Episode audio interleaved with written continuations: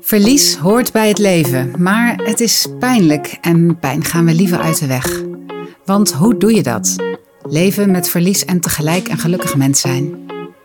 Mijn naam is Jacomijn Kruisbrink en ik ga op zoek naar het andere gesprek over de dood, verlies en tegenslag.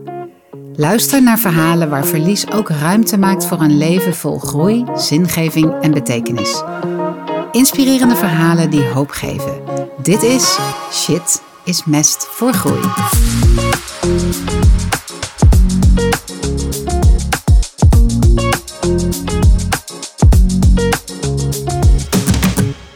Welkom, ik uh, ben vandaag bij uh, Sanne Royakkers en uh, we gaan samen een mooi gesprek hebben over verlies en over hoe je daarmee om kan gaan. En ehm, ja, Sanne, wil je misschien jezelf even voorstellen? Ja, zeker. Ja, goed dat je er bent. Welkom in het vandaag zonnige Veldhoven. Heerlijk. Ja, ja het is heerlijk. Um, nou, Sanne Royakkers, je zei het al heel mooi. En um, ik werk als coach voor ambitieuze uh, vrouwen, ambitieuze moeders met name. Uh, in mijn dagelijks leven vrouwen met een heel leuk leven, uh, maar een zo'n druk leven eigenlijk, dat ze daar eigenlijk net iets te hard voor moeten rennen. En daardoor de hele tijd aanstaan en zich heel gejaagd voelen. Nou, dat is de doelgroep waar ik me dagelijks mee mag vermaken. Super waardevol om te doen. ook omdat je ook een bijdrage levert aan, aan het hele gezin en de kinderen. En dat ben ik eigenlijk gaan doen. Dat is iets wat ik altijd al heel leuk vond. Ik, ik was ooit leidinggevende. Um, toen vond ik het coachen en het met mensen werken al heel leuk. Daar ben ik een beetje van afgedreven. En nou ja, dan kom je iets tegen in je leven waardoor in één keer alles uh, uh, weer even losgeschud wordt, als het ware. En toen ben ik hier mijn, echt mijn fulltime werk van gaan maken. En nou ja, daar deelde ik laatst iets over op LinkedIn. Iemand moest toen aan jou denken en zag mij ook voorbij komen. En uh, nou, zo zijn wij aan elkaar uh, gelinkt. Ja. ja. En uh, vandaar dat we nu hier zitten. Ja, ja, super tof. Ja, want ik ben, ik ben echt ook nieuwsgierig naar je verhaal. Ik heb natuurlijk al, al wel het een en ander ja. gehoord. Mm -hmm. Maar um, ja, neem ons en de, mij en de luisteraars even mee naar, um, naar het begin. Je zei, ik ben eerst was ik leidinggevende. Ja. Ja. Um, vertel eens, hoe zag je leven er uh, toen uit? Ja, ja, best wel anders dan nu. Uh, ik was inderdaad leidinggevende. Ik was zelf zo'n jonge, ambitieuze vrouw die uh, heel hard liep. Heel leuk leven, maar wel heel vol. en dat ging hartstikke goed. En dat was heel leuk. Um, maar op een gegeven moment liep ik daarin ook wel vast. En dat, dat kwam vanuit het relationele stuk vooral. En nou, ik had wel altijd de schouders eronder gezet. En om maar overeind te blijven, om al die ballen maar in de lucht te houden, zoals ze dat dan zo mooi zeggen. Best wel mijn emoties de kop ingedrukt en over allerlei grenzen heen gegaan. En allerlei ehm, beschermingstactieken om mezelf maar niet te laten raken. Flink muurtje ja. opgebouwd, zeg maar. En um, toen liep ik uiteindelijk natuurlijk muurvast. nou ben ik met een coach aan de slag gegaan.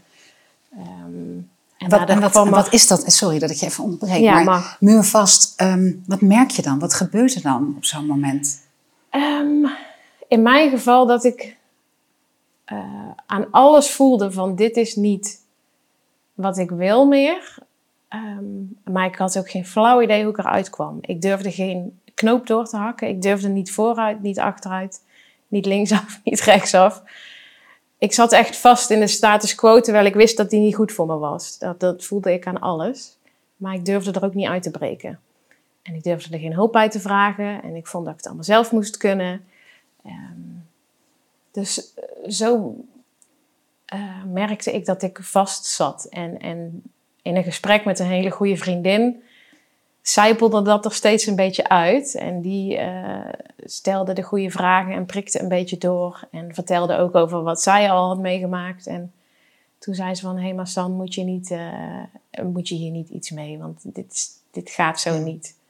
Dus um, op een gegeven moment ga je het in allerlei dingen merken. Begin je echt wel tegen muren aan te lopen, zeg maar. Ja. ja noem, noem eens voorbeelden. Waar merkte jij het aan? Mm, nou, ik had... Uh, een relatie al 15,5 jaar. eh, waar ik niet meer gelukkig in was, maar waar ik ook niet uit durfde. Of, of ook eigenlijk niet zo heel goed wist bijna of dat wel was wat ik wilde, omdat ik gewoon eigenlijk niet meer zo heel goed wist wat ik voelde.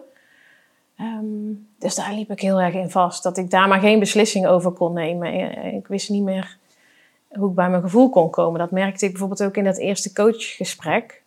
Zij zette mij op bepaalde plekken neer of liet mij dingen benoemen, uitleggen. En ik kon het gewoon niet onder woorden brengen. Ik, ik wist gewoon oprecht niet zo heel goed meer wat ik voelde.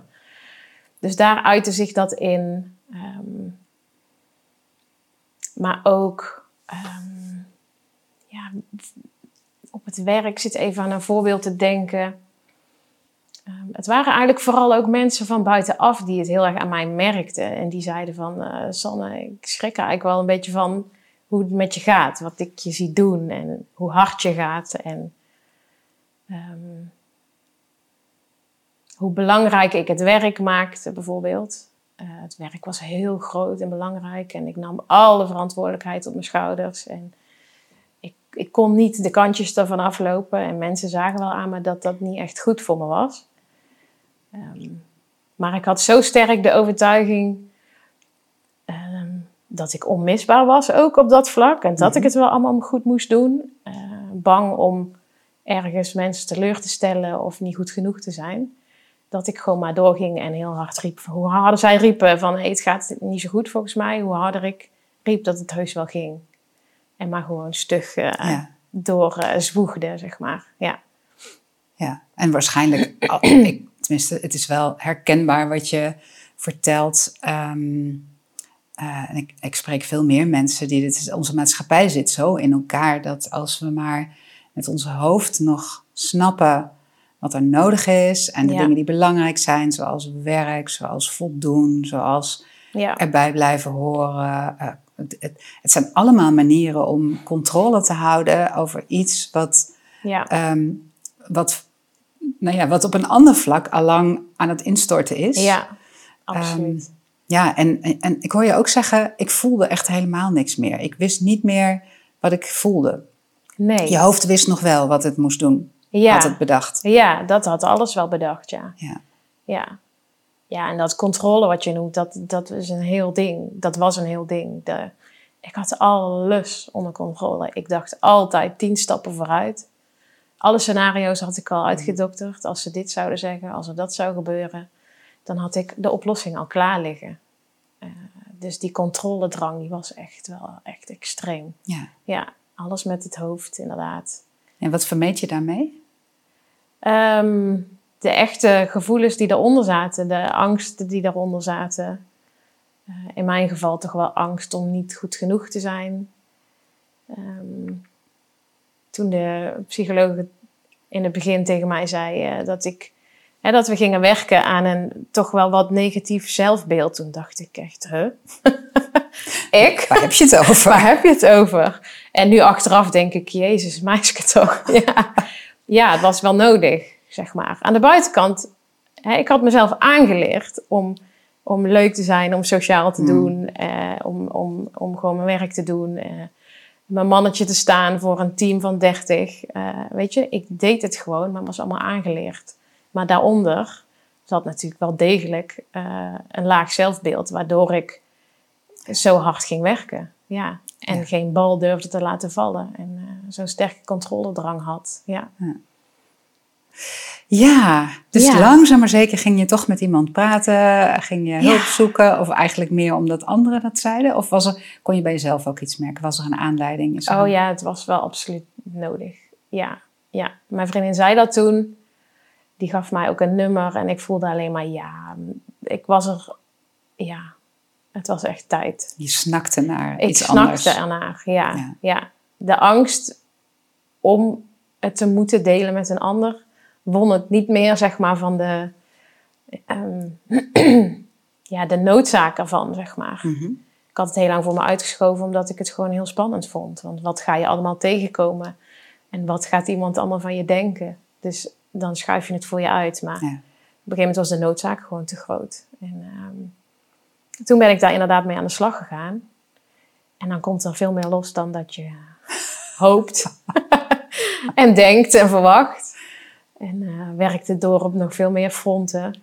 En ehm, raakte ik in eerste instantie juist daardoor misschien nog wel iets verder van huis. Ehm, omdat ik weer ging voelen, weet je wel.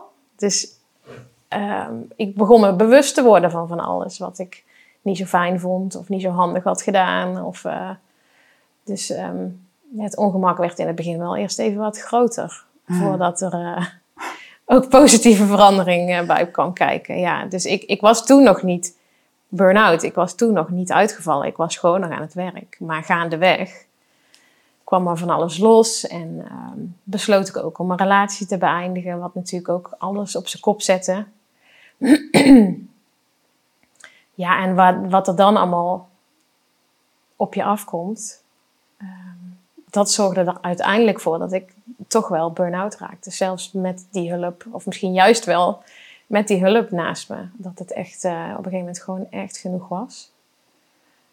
Um, want ik ging ook nog. Uh, ik moest natuurlijk. We, hadden samen een huis, mijn vriend en ik. En dat gingen we toen verkopen. En de markt was toen al vrij uh, overspannen. Dus dat waren we echt in een zucht kwijt.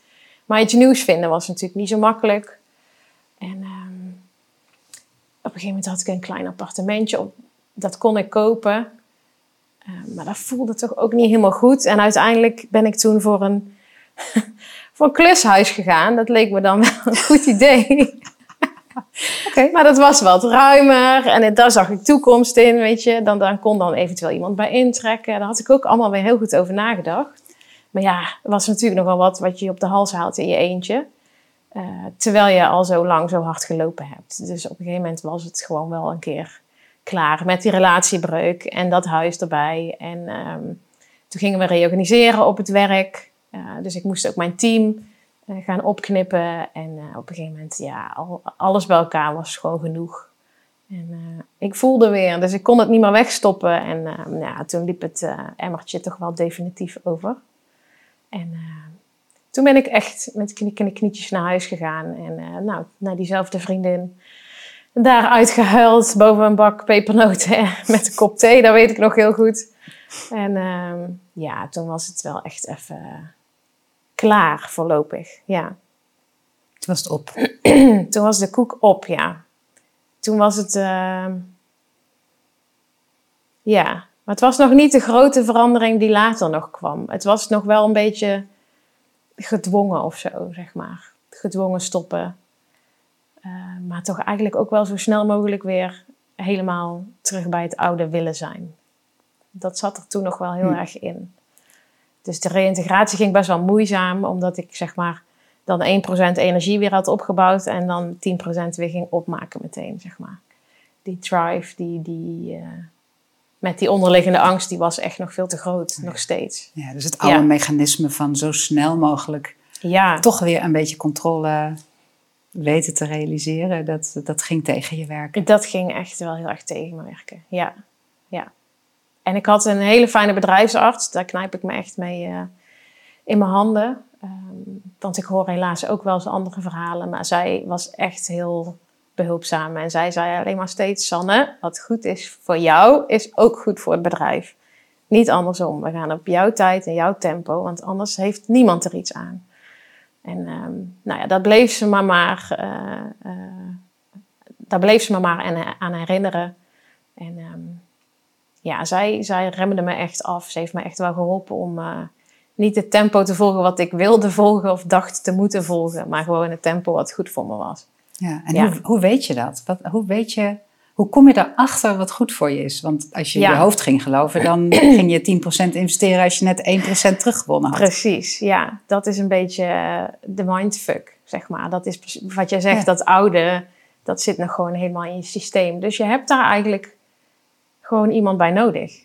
Als je het alleen doet, dan wordt dat best wel lastig. Omdat je, je herkent die oude patronen nog niet zo. Je hecht er nog veel te veel waarde aan. Je doet het nog, want het levert je nog steeds iets op. En ja, zie daar maar eens uit te komen. Dus het is heel behulpzaam om daar iemand bij te hebben die je spiegelt. En die zelf met beide benen op de grond staat. En, en vanuit het volste vertrouwen jou steunt in dat nieuwe tempo. Um, dat is denk ik het belangrijkste. Die je worsteling ziet, maar daar niet uh, geen knikkende knietjes van krijgt, zeg maar. Die dan gewoon stevig blijft staan en zegt: Ik zie het, Sanne, en je hebt gelijk, Sanne. En we gaan dit doen. ja, dat heeft uh, voor mij wel een groot verschil gemaakt in die tijd. Dat ik het uh, niet meer alleen probeerde te doen. Ja. Dat ik um, op een ander ook ging vertrouwen, die het op dat moment gewoon even beter wist. Ja, dat was misschien nieuw voor je op dat moment. ja. ja, ik moet er ook om lachen, want daar was ik nooit zo goed in. Nee, nee, want ik dacht dat ik het allemaal zelf het beste wist. Ja, ja. kan ik wel heel eerlijk in zijn.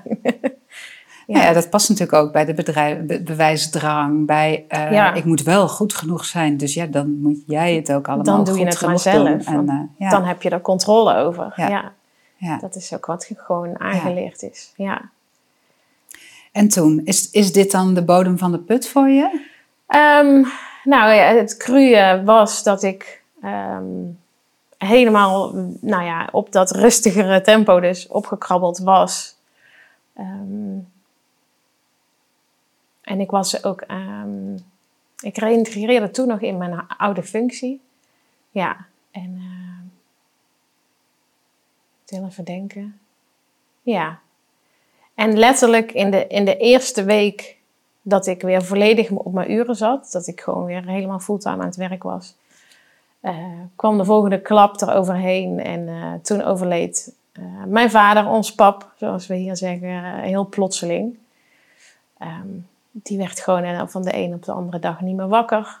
S'morgens vroeg, toen zijn wekker ging. En ja, dat was uh, boom, weg. En um, dat was wel echt heel heftig. En dat was wel echt het keerpunt. Um, waar ik daarvoor nog heel erg die drang had. Uh, van het werk moest eigenlijk toch nog steeds wel gedaan worden. En ook nog steeds perfect. En ook nog allemaal door mij. Daar was ik toen echt in één klap kwijt. Um, en als je het dan hebt over hè, eh, shit is mest voor groei. Ik zeg altijd, op dat moment viel alle bullshit weg. Alle bullshit viel van me af. Alles waarvan ik altijd vond dat het belangrijk was, of dacht dat ik het belangrijk moest vinden eigenlijk.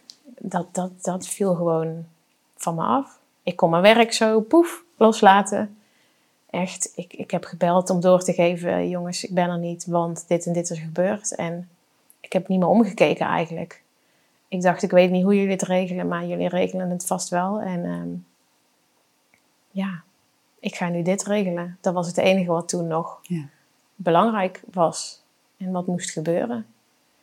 En ehm, dat was wel het echte, echte keerpunt, zeg maar. Ja, bizar hoe je daar dan zoiets voor nodig schijnt te hebben. Om dan echt, echt wakker geschud te worden. Ja. Ja. Ja, want zie je het als dat het overlijden van je vader en, en ook het hele plotselinge daarvan, dat dat jou wakker heeft geschud? En niet dus de maanden daarvoor dat je ziek bent en reïntegreert en dat je jezelf eigenlijk herontdekt. Maar het, je, je, je, gebruikt echt de woorden, ja. dat moest me wakker schudden. Ja. Ja, en dan vooral in de zin... Ehm, nou ja, van de bullshit eigenlijk, zeg maar. Ehm, ik trok me ook acuut veel minder aan van wat andere mensen ervan vonden of wat ze wel niet zouden denken. Of um, er was nog maar één ding belangrijk en dat gingen we gewoon doen en regelen op onze manier. En ehm, ik, ik, was niet meer bezig met verwachtingen. dus in die zin wakker schudden en, en heel helder laten inzien wat er echt toe doet. En niet zozeer meer wat wij onszelf soms allemaal op de nek halen. Van wat we vinden dat er ook toe zou moeten doen of zo. Hmm. Als ik je zo hoor, dan, dan klinkt het voor mij alsof je opeens ehm, nou, gewoon niet meer bezig bent met de buitenwereld. Maar puur vanuit je eigen hart en vanuit je ja onderbuik, van je buikgevoel van dit is wat belangrijk is voor nu. En iedereen die kan echt, uh, ja. ze zoeken het maar uit. Maar, maar ik bepaal nu wat er voor mij belangrijk is en voor mijn familie belangrijk is. Ja. En uh, precies. Ja. Ja, Is dat de bullshit? Dat we ons steeds maar richten op de buitenwereld? ja. En het Als we maar pleasen. voldoen? Ja, als we maar voldoen. Ja, dat. Het pleasen en de schone schijn ophouden. En ehm, dat denk ik wel. Ja. Ja. Ja, dit hoor, je, dit hoor, je zo, hoor ik zo vaak. Dat, dat een overlijden, zeker als het plotseling is, maar ook, ook als iemand eh, een tijd ziek is, Mhm. dat een overlijden, maar ik vind dat je het prachtig zegt, dat de bullshit wegvalt. Ja. Ehm, dat het gaat puur alleen nog maar om de essentie. Ja. En alle franje, alle toeters en bellen, al het gedoe, al, het dingen, al die dingen waarvan mensen altijd dachten dat het heel belangrijk was, Ja. blijken er dan opeens helemaal niet meer zo toe te doen. Nee. Omdat ze eigenlijk met franje en toeters en bellen van de buitenkant te maken hadden. Ja. Ja, ik vind dat, hoe heftig en pijnlijk de dood ook kan zijn, Mhm. ik vind dat de schoonheid. Waar, ja, ik weet niet of jij dat, want hoe lang geleden is dit? Eh, 1 maart is het vier jaar geleden. Ja. Ja, ja wat, wat ik je wilde vragen is, ik, ik weet niet of jij dat herkent. Ik kan er soms zelf bijna naar verlangen. ehm, naar, naar de tijd waarin de dood zo heel erg aanwezig was. En ik vind, Mm. dat, ik vind dat ook heel ingewikkeld bij mezelf. Want ik weet ook hoe ongelooflijk veel verdriet Ja. ik heb gehad en, en mensen om me heen hebben gehad. Ja. Maar de, de puurheid van dat het alleen nog maar gaat over waar het echt over mag gaan. Ja. En alle bullshit is gewoon weg. Ja. Ehm, in mij is wel een verlangen af en toe ehm, eh, dat ik denk, oh ja, dat, dat gewoon, dat het alleen maar daarover mag Ja. gaan. En de vraag die ik dan daarna meteen stel met een grote grijns is, oh, er hoeft toch niet iemand dood voor te gaan? Nee. Dat kan ik toch elke dag nu Ja. weer opnieuw doen? En dat is, dat is wat ik in ieder geval geleerd heb. Ja. Ehm, om de verschillen in ieder geval veel, veel helderder te voelen. En dat ik dus een keuze heb in leef ik nou van binnen naar buiten? Ja. En in hoeverre mag de buitenkant bullshit op mijn binnenkant leggen? Ja. Precies. Ja. Versimpeling moet ik ook aan denken, aan dat woord. Ja. Hm, Alles is heel eenvoudig in die periode. Terwijl het natuurlijk helemaal niet makkelijk is. Nee. Dat zijn wel twee verschillende dingen. ja, ja, dat zijn hele verschillende Ja. dingen. Ja. Maar het is, ehm, ja, er zijn maar een paar dingen belangrijk. En ehm, ja. ja, het is mooi dat je dat zegt. Ik weet niet of ik het een. In, nee, ja, ik snap wat je bedoelt. Het is niet letterlijk een verlangen natuurlijk naar die Nee, niet naar ellende. die gebeurtenis. Nee, absoluut niet. Maar wel naar dat hele basale, simpele en pure.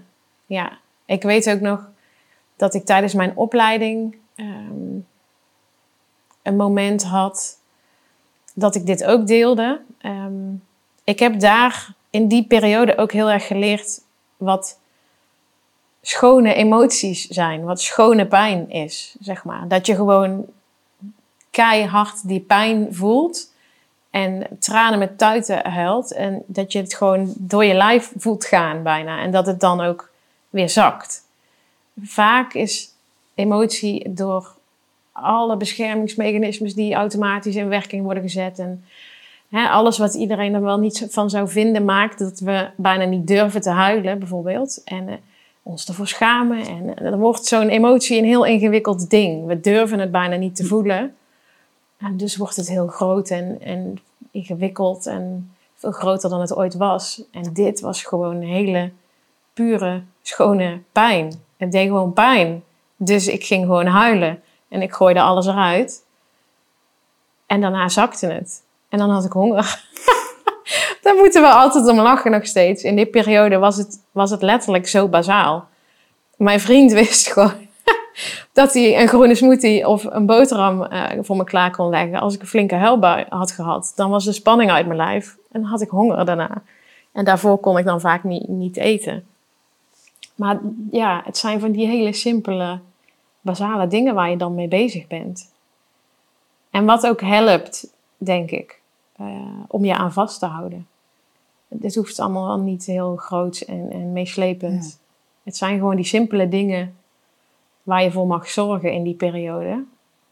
Die je overeind houden, denk ik. Gewoon vorige week is helaas heel plotseling eh, de vader van een goede vriendin van mij overleden. En ehm, het was het eerste wat ik tegen haar zei. Hè, het enige wat ik je graag wil meegeven, blijf gewoon heel dicht bij je gevoel. Doe alles wat je wil doen. Zeg alles wat je wil zeggen nog. Ehm, ehm, en zorg voor de basics. Weet je, zorg dat je goed slaapt. Lukt het niet goed, kijk of je er iets bij kan pakken. Weet je wel, gewoon uh, rescue spray heb ik hier wel eens in huis. Gewoon homeopathisch.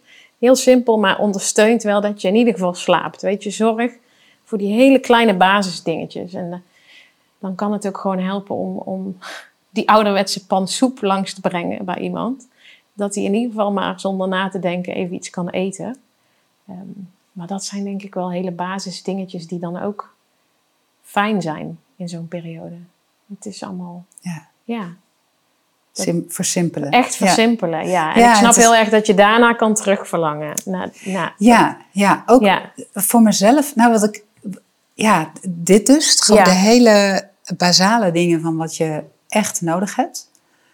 Um, maar ook wel uh, de toestemming die ik mezelf gaf. Mm -hmm. Om niet meer te hoeven voldoen aan van alles. Ja. Omdat ik iets groters te doen had. Ja. Namelijk uh, dit innemen, dit verteren, dit door mijn lijf laten gaan, inderdaad. Ook, ja. ook de fysieke component.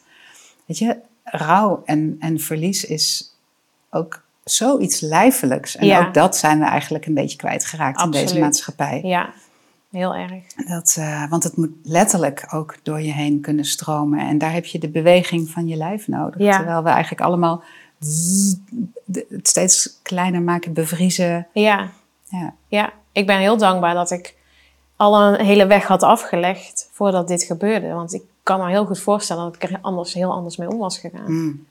ja. ja. ja. daar kan ik me ook. dat toen het nog zo potdicht zat, had het me misschien ook wel in zekere zin wakker geschud. Maar ik denk niet dat ik er zo mee om had kunnen gaan als nu.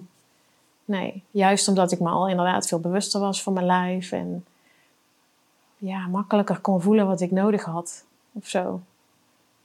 Ja, ja, Ja. Dat, dat voorwerk, althans überhaupt, dat werk voor ons, voor Ja. je lijf en voor je gevoel en je emotie, Ja, is voor ieder mens super belangrijk. Maar ja, als je niet in contact met je gevoel bent en je zit nog in het ik moet wel presteren, ja, dan kan je hoofd maar zo eens bedenken dat je na een week wel weer aan het werk moet. ja, En dat je dan gewoon weer op je werk in ieder geval moet doen alsof er nooit wat aan de hand is geweest. ja, Ja.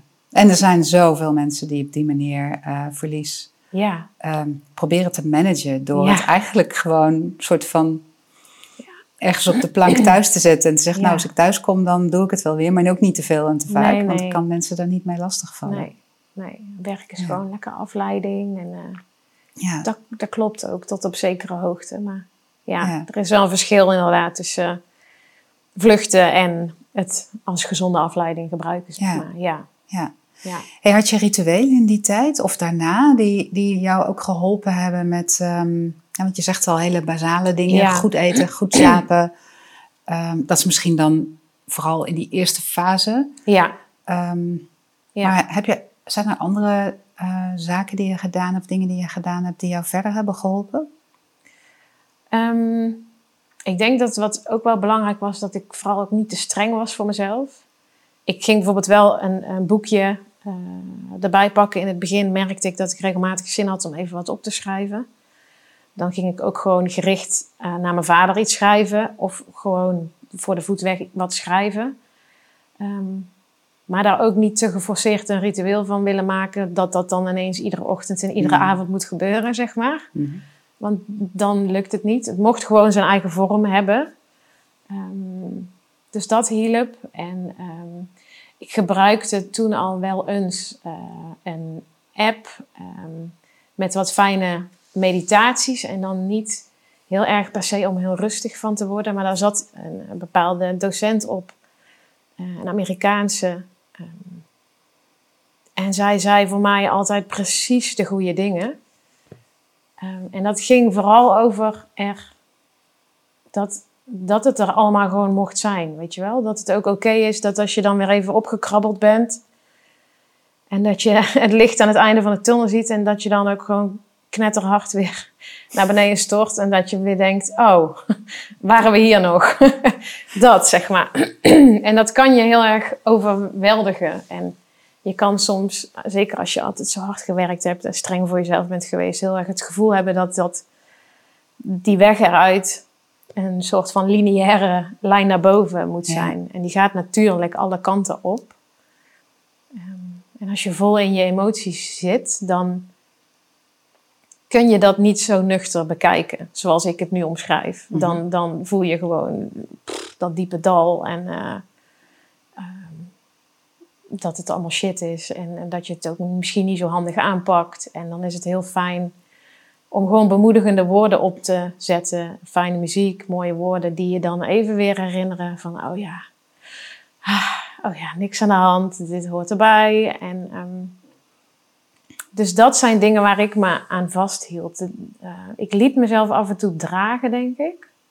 Dat ik het even niet zelf deed, maar dat ik gewoon de, de, de meditaties, de woorden van een ander me gerust liet stellen weer. Hm. Um, ja, dus dat was een hele belangrijke.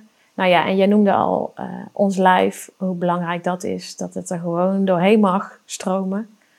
Um, ik ging toen al naar een, um, ja, ik moet even denken, maar ik ging toen al naar een masseuse. Uh, iedere zes weken. Zij was energetisch masseuse. En dat ben ik ook echt blijven doen in die periode. En bij haar mocht ik dan ook even mijn ei kwijt. En dronken we nog een kop thee. Uh, kon ik ook even mijn verhaal doen. Maar daar heb ik ook heel erg geleerd om me te laten dragen. Even letterlijk en figuurlijk. En um, ja, het even niet allemaal alleen te hoeven doen. En even voelen dat het goed is. Dus dat soort fijne dingen, je echt even laten ondersteunen, dat heeft mij heel erg geholpen.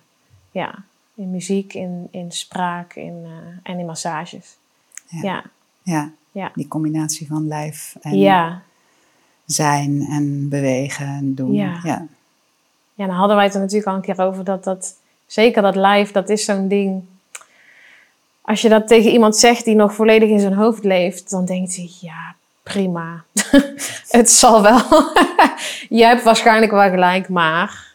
En pas als je er een beetje in zakt en ingroeit, dan ga je voelen hoeveel impact het allemaal heeft. En hoeveel spanning er in ons lichaam zit. En hoe belangrijk het is om dat regelmatig af te voeren, los te laten. En uh, nou ja, daar zetten we ons nu natuurlijk allebei voor in.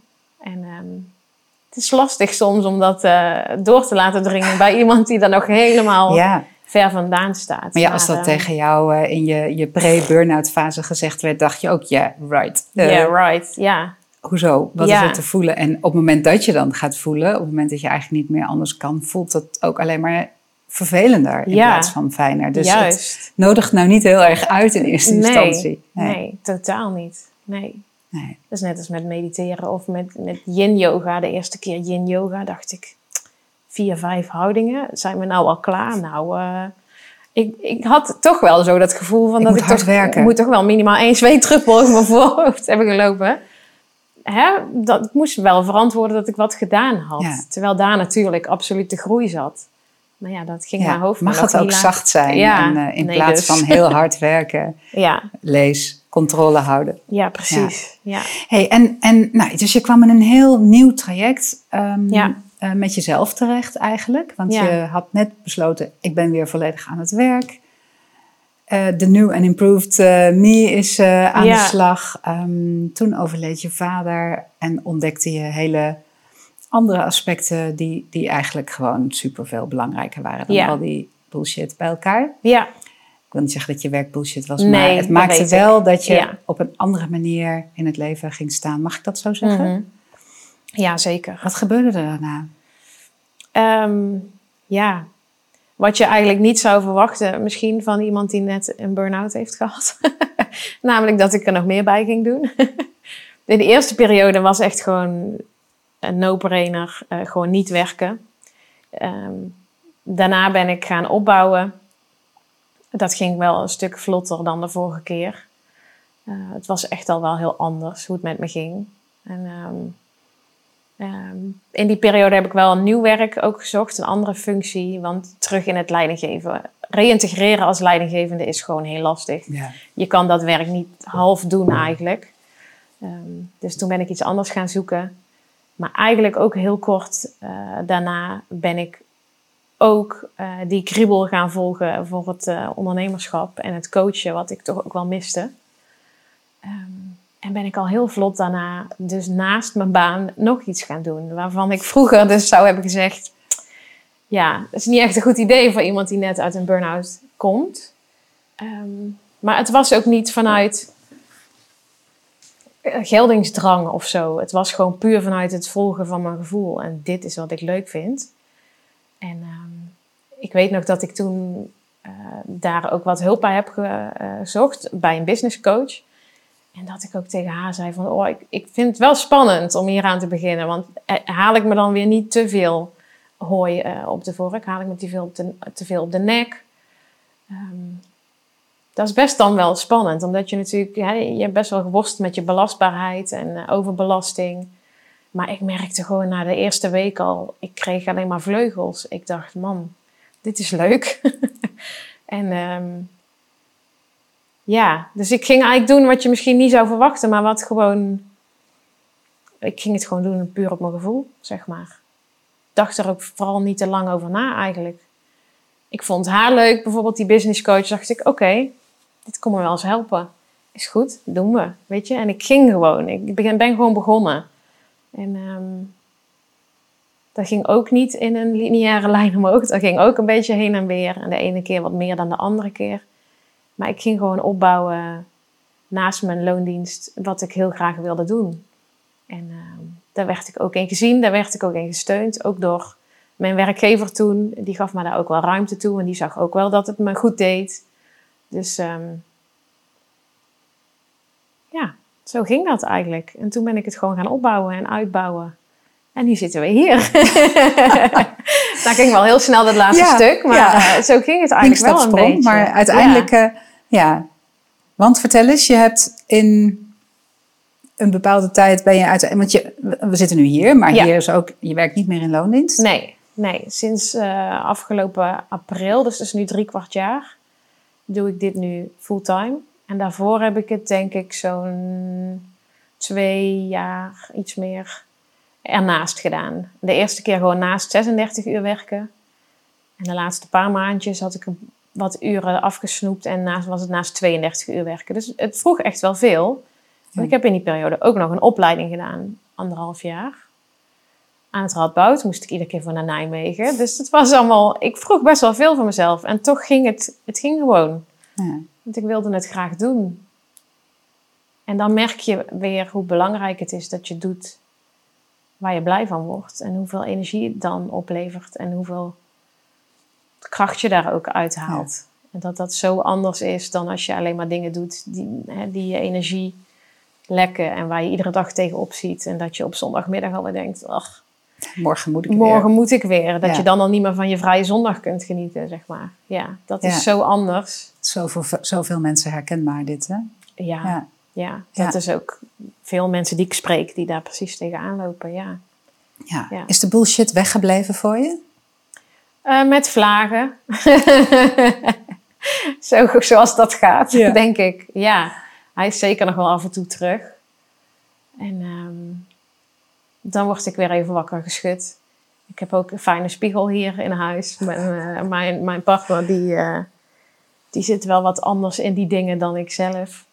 Dus dan denk ik, oh ja, waar maak ik me druk om? Weet je, dan, dan hoor ik hem of dan zie ik hem en denk ik, oh ja, niet zo druk om maken. Dus um, de kunst is, denk ik, um, dat simpele erin houden, waar we het net even over hadden. Dat je regelmatig ook de ruimte neemt om even die stap terug te doen, even ademhalen. En um, je hebt gewoon voldoende bewuste momentjes nodig in je dagen om, om überhaupt te zien dat je doordraaft of, of dat je mm. de dingen niet zo handig ja. aanpakt. En um, zolang je dat erin houdt, um, dan, dan, dan komt het wel goed, zeg maar. Soms verlies je je weer even in je werk of... En dan, uh, dan is de bullshit er weer. dat gaat dan vaak hand in hand. Ja. ja. Hoe merk je dat nu? Heb je, heb je, zijn er dingen die voor jou een teken zijn van, oh, hallo, bullshit, je bent er weer. Mm. Oké, ik heb wat te doen. Als ik onzeker word, uh, als ik aan mezelf ga twijfelen om bepaalde dingen of um, ja, dan denk ik, oh, volgens mij heb ik te veel gedaan, want dit slaat nergens op. ja, dus dan word ik een beetje, ga ik mezelf weer een beetje wegcijferen of zo. Dan word ik wat uh, onzeker, maar ga ik mezelf weer verontschuldigen. En dan weet ik, oh ja, nou heb ik te veel gedaan, ben ik dat bewust uh, even kwijt. Het is ook omdat je dan weer meer je aan het afstemmen bent op de buitenwereld? Ja, dan, dan sluipt dat er gewoon weer in. Ja, ben ik weer bezig met wat een ander ervan vindt. En dat maakt me dan onzeker. Ja. Ja. Ja. Dus, uh, zolang die automatische piloot uit blijft, gaat het goed. ja, ja, het is zo belangrijk hè, om op eigen koers te varen. En dat maar uh, elke keer weer te voelen van... Oh, wacht even, ja, tikje terug. terug. En, ja. ja. Ja, ik moet ook denken aan als we het dan hebben over dat simpele leven in die periode.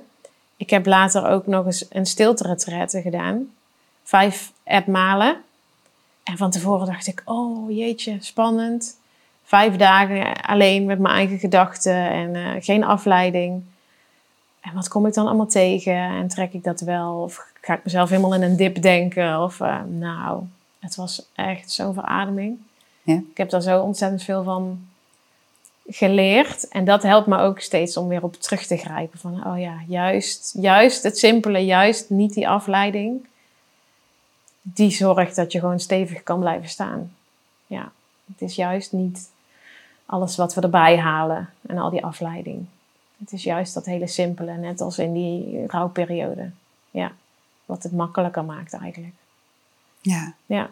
Ja, ja want, want zo terugkijkend op je nou, en luisterend naar je verhaal. Je hebt natuurlijk eigenlijk een soort twee rouwperiodes, uh, twee verliesperiodes ehm, eh, heel kort op elkaar. Of eigenlijk ja, uh, ja elkaar overvloeiend in elkaar ehm, meegemaakt. Ja. Waarvan de eerste misschien meer ging over verliezen van jouw eigen ja, controledrang en, en, en dus ook de onzekerheid. Ja. Ehm, en, en vervolgens de tweede fase daarin van um, je eigen kompas weer terugvinden. Ja. Namelijk niet buiten jezelf, maar binnen jezelf. Ja. ja. Mag je, kan je zeggen dat dat echt um, je leven enorm veranderd heeft? De manier waarop je leeft? Ja, zeker. Ja. Absoluut. En ook, ja, ik zeg het ook wel, want soms een beetje vloeken in de kerk, maar het, ja, het heeft me ook gewoon heel veel opgeleverd. Die hele klote situatie, zeg maar. Op dat moment voel je dat natuurlijk absoluut niet zo, maar achteraf kan je dan toch echt wel denken: oh ja, het heeft me toch ook wel veel gebracht. Ik heb er veel van geleerd. En uh, het is makkelijker om voor mezelf te kiezen. Om te kiezen voor wat ik leuk vind, wat ik belangrijk vind. Dus dankbaar is een groot woord, maar het zit er toch ook wel onder. Ja. Ja. Ja. ja. Zeker. Ja. ja. Het, het is ook en-en, weet je. Het is ook... Eh, je mag en rouwen en dankbaar zijn, zeg maar. Ik weet ook nog dat ik een week na de uitvaart bij een vriendin zat op kraamvisite, weet je. Ja, dan, dan zit je en te huilen en je verhaal te doen... en te glunderen van trots uh, met die kleine in je armen, weet je. Ja, het, is, het mag er dan gewoon ook allebei zijn weet je, ja, je bent en blij en verdrietig en dat schiet alle kanten op en dat is prima. Ja. ja. Het hoeft niet het een of het ander. Je hoeft je niet schuldig te voelen als je weer een keer moet lachen. Het mag gewoon uh, door elkaar lopen. Dat is denk ik alleen maar heel gezond. Ja. Ja. ja. Nou, wat een, uh, wat een inspirerend verhaal in, um, ja, ik vind het mooi hoe je zegt van de bullshit valt weg. Ik, eh, die ga ik, eh, die ga ik meenemen. Ja, ja. dat ja. ik.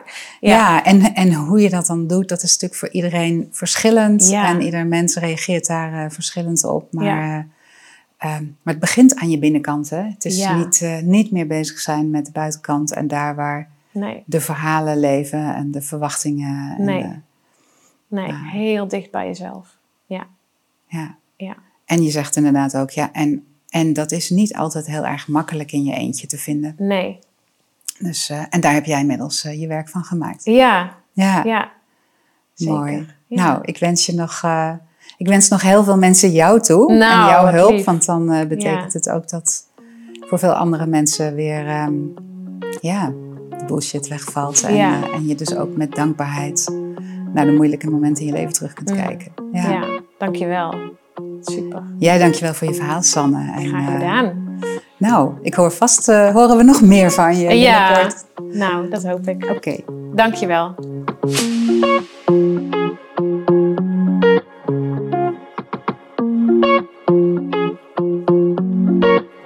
Geweldig dat je weer luisterde naar Shit is Mest voor Groei. Misschien heb je zelf met verlies te maken gehad en ben je op zoek naar verhalen die inspireren en vertrouwen geven. Dan hoop ik dat deze aflevering je weer nieuwe inzichten heeft gegeven. Geef dan 5 sterren en abonneer je direct, want dan mis je geen enkele nieuwe aflevering meer. En ken je anderen die dit ook wel kunnen gebruiken? Ik vind het heel fijn als je de podcast deelt en me helpt in mijn wens om de gesprekken over dood, verlies en tegenslag doodnormaal te maken. Ook het geven van een review via je podcast-app helpt daarin. Op die manier kan ik nog meer mensen bereiken. Wil je meer over mij weten of zelf met mij aan het werk? Ga dan naar breathinbusiness.nl/instagram.